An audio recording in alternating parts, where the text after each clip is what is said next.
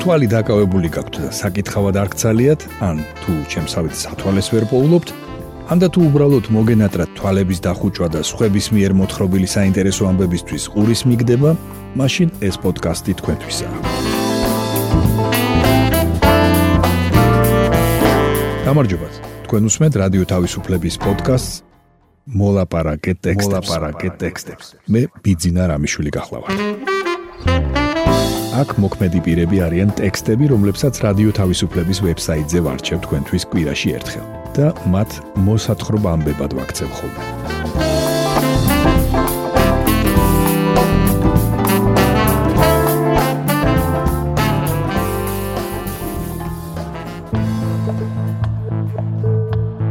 ჩვენი დღევანდელი პოდკასტი მთლიანად უკრაინის თემას ეხება. ვისაუბრებთ იმაზე, თუ რა არის უკრაინის სახალხო ჯარი ტერობორონა. დაიწყო თუ არა სოფლიო კიბერომი. ინტერვიუ გარი კასპაროვთან, რომლის აზრით რუსეთისა და ნატოს შეტაკება გარდაუვალია.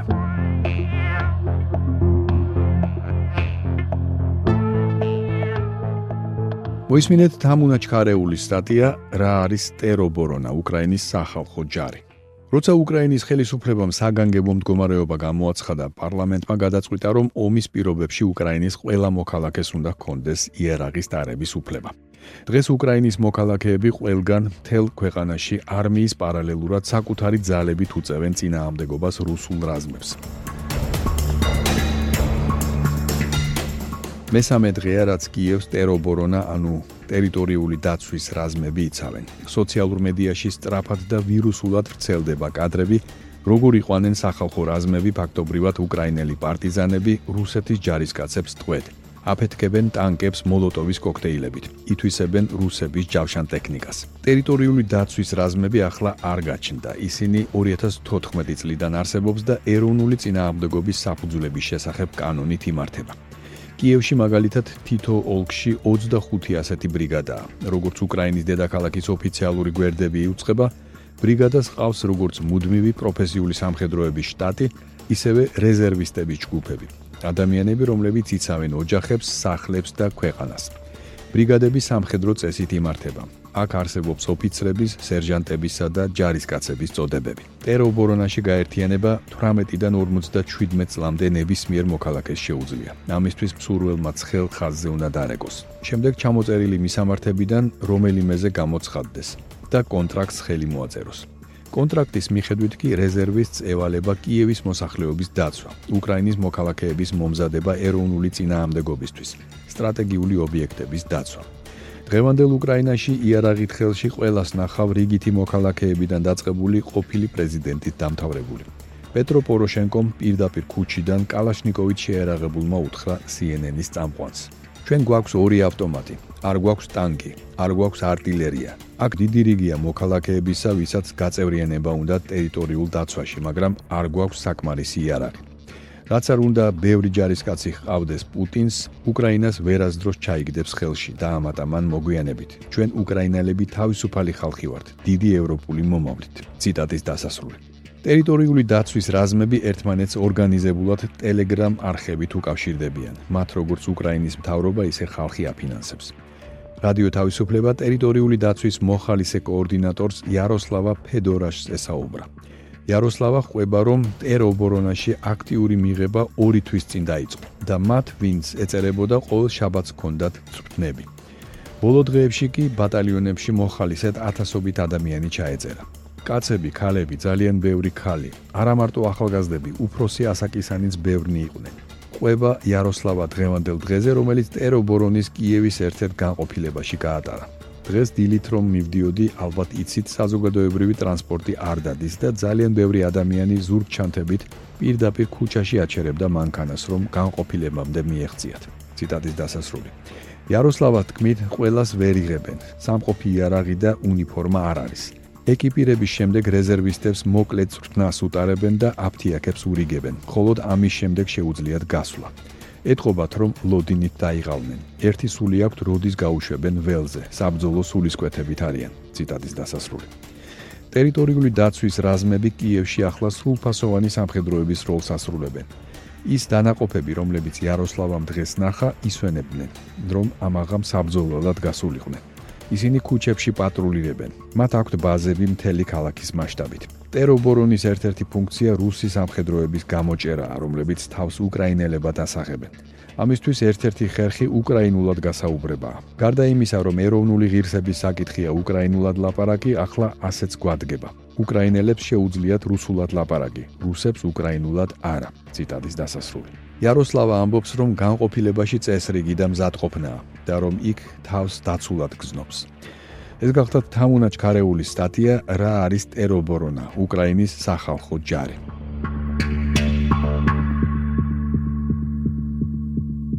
თქვენ უსმენთ პოდკასტს მოლაპარაკე ტექსტებს.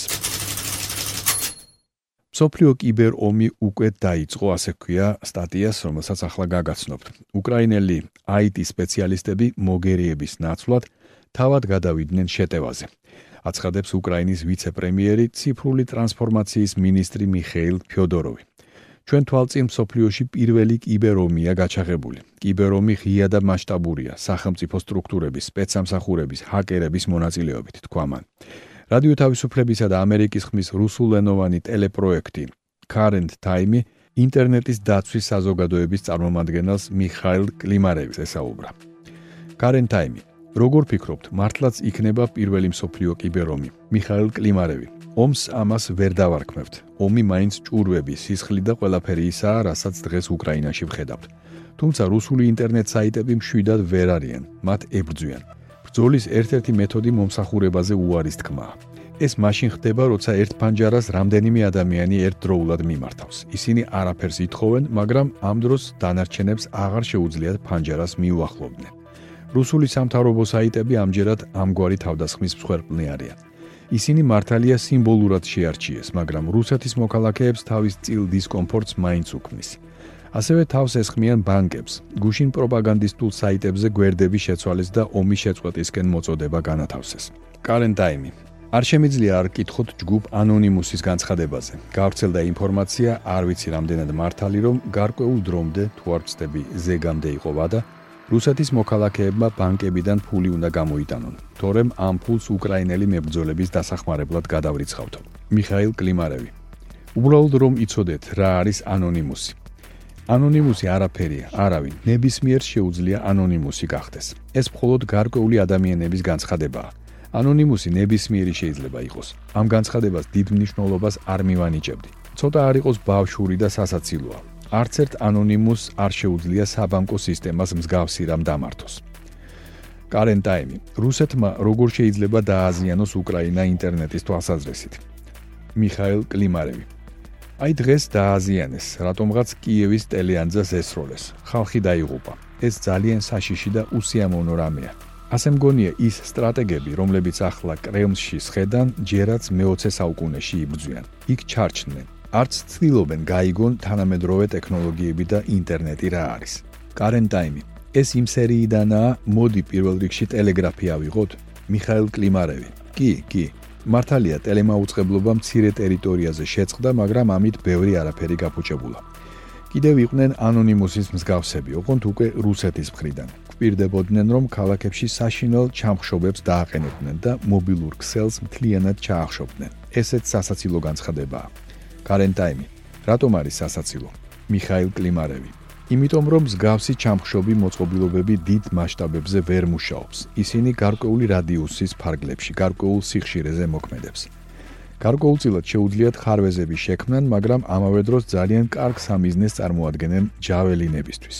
არ ვისურვებდი იმ ოპერატორის ადგილას ყოფნას, რომელსაც ამ მოწყობილობის ჩართვას დაავალებენ. რაკეტა ძალიან მალე მოფრინდება. ამიტომ ეს ერთი მხრივ სისულელია, მეორე მხრივ კი, როგორც ჩანს, ცდილობენ უკრაინის სატელეკომუნიკაციო სისტემაზე თავდასხმა მოამზადონ. მაგრამ იქაც განათლებული ხალხია, ისინი ბევრი არიან და რუსებისგან განსხვავებით უფრო მოწადინებულები. ახლახან მოუწოდეს რუსეთში ოპერატორებს დაჰპირდნენ, რომ პრემიებს მისცემდნენ, ან ხელფას არ შეუმცირებდნენ. თუმცა ეს უკვე მოხდა ვალუტის ვარდნის გამო. რუსი ოპერატორებისგან განსხვავებით უკრაინელებს შეგულიანება არ ჭირდებათ. ისინი ჰიპერმოტივირებულები არიან. კარენტაიმი. ჩემთვის გასაგებია, როცა რუსეთის სხვადასხვა საიტის დაბლოკვას ცდილობს. ჩვენიც დაბლოკეს. გასაგებია რომ არ სურთ რუსეთში სიმართლე იცოდნენ. არ ნახონ ეს საშინელი კადრები, მაგრამ ვერ გამიგია უკრაინის ტელეანძის გათიშვარაში სჭირდებოდათ. უკრაინელები ისედაც ხომ ყველაფერს საკუთარი თვალით უყურებენ. მიხაილ კლიმარევი არ მესმის, შტაბეჭდილებამ რჩება, რომ ეს სტრატეგები რაღაც ძველი და უცნაური ციგნების კითხვას გადახვნენ. საიდან მოაქვთ ეს ყველაფერი ვერ გამიგია. ალბათ ეს უფრო სიმბოლური იყო, აი თქვენს ანძას მოვარტყითო.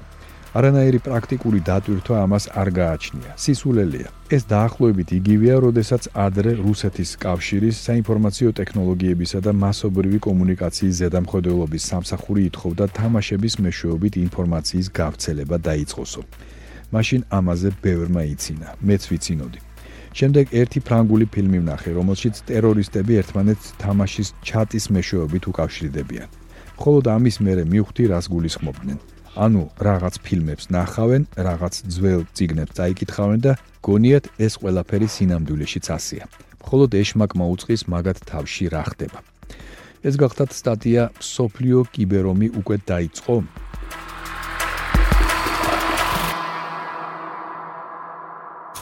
თქვენ უსმენთ პოდკასტს მოლაპარაკე ტექსტებს. Current Time-ის კიდევ ერთ სტატიას შემოგთავაზებთ. მისი სათაურია გარი კასპაროვი, რუსეთისა და ნატოს შეტაკება გარდაუვალია.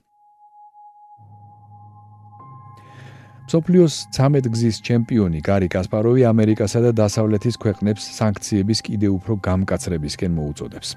Current Time-თან საუბარში მან განაცხადა, რომ პუტინის შეჩერება ეკონომიკის სრულიად ჩამოშლით შეიძლება, მაშინ როცა რუსეთი ქვის ხანაში გადაინაცვლებს.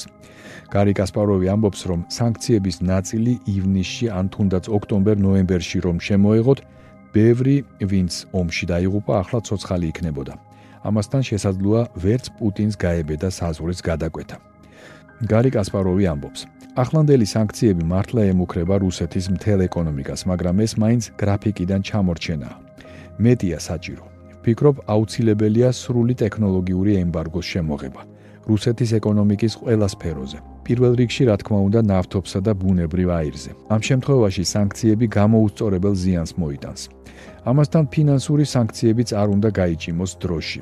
ახლა კვირებს თვეს აძლევენ იმისთვის, რომ აქტივები გამოიტანონ. ყველანაირი გადახდები უნდა შეჩერდეს რუსეთში. ქვის ხანაში უნდა დაბრუნდეს. ამის გაკეთება შესაძლებელია, მაგრამ ჯერ ისევ ყოყმანობენ პირველ რიგში ამერიკელები. რაც შეეხება უკრაინას, ყველანაირად უნდა დავეხმაროთ, რომ ცა დაიცვან. უკრაინის თავზე უსაფრთხო ზონის შემოღებაც არ იქნებოდა ურიგო. და მთავარი, რუსეთსა და ნატოს შორის შეჯახება გარდაუვალია. იოტის ოდენა ეჭვი არ მეფარება. ადრე თუ გვიან პუტინი მოძებნის საშუალებას პროვოკაციის მოსაწყობად. ამიტომ იმაზე ლაპარაკი, რომ ამერიკა ნატოს ტერიტორიის თითოეულ გოჯს დაიცავს, არავის ჯერა. სანამ ამერიკული სამხედრო ძალების მნიშვნელოვანი ნაწილი ავიაგამანადგურებლების ჩათვლით უშუალოდ საზღვართან არ დგანან. ეს პუტინზეც არ არის, პუტინი შეიშალა. თითოეულ რუს გენერალსა და ოფიცერს უნდა ესმოდეს, რომ ნატო მათ გაანადგურებს. თუ კი ლიტვის ან სხვა ქვეყნის საზღვარზე თუნდაც 1 სანტიმეტრით წაუწდებათ ფეხი. უბრალოდ თავის მოტყუებას უნდა შევეშვათ. უნდა ვინმეს ეს თუ არა, რუსეთის ჯართან ომი გარდაუვალია. პუტინს უნდა და ეს სრულიად საკმარისია. ისინი ვინც მის დანაშაულებრივ ბრძანებებს ასრულებენ, ჯერჯერობით ფიქრობენ, რომ წყლიდან შრალები ამოვლენ. ნიურნბერგის ტრიბუნალი 2 წლის მერე არავის ადარდებს. გენერლებმა, ოფიცრებმა, რომლებიც ახლა უკრაინაში დანაშაულს ჩადიან, უნდა იგრძნონ, რომ პასუხისგება უკვე ახლა მოუწევთ. უნდა მიხვდნენ, რომ პუტინი მათ ნატოსთან შეტაკებისკენ უბიძგებს. ნატოს ჯარი კი პუტინის ჯარს, ფიქრობ, 48 საათში ნაცარტულად აქცევს. ციტატის დასასრული. ეს გახდათ საუბარი გარი კასპაროვთან, სტატიის სათაური არის რუსეთისა და ნატოს შეტაკება გარდაუვალია.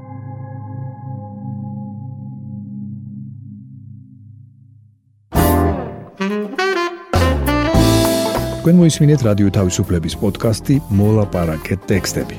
მე კვირაში ერთხელ ვარჩევ რადიო თავისუფლების ვებსაიტზე გამოქვეყნებულ ტექსტებს და მათ მოსათხრობამდებად ვაქცევ ხოლმე. ჩვენი პოდკასტი შეგიძლიათ გამოიწეროთ, ჩამოტვირთოთ ან მოისმინოთ პირდაპირ რადიო თავისუფლების ვებსაიტზე. მისი მისამართია თავისუფლება.ge. თუ ჩემი მიერ მოთხრობილი ტექსტები სრული სახით დაგაინტერესებთ, მათი მოძებნა იულია. ვებსაიტზე, პოდკასტის გვერდზე იპოვით ყოველ ცალკეულ პროგრამაში მოთხრობილი ტექსტების ბმულებს.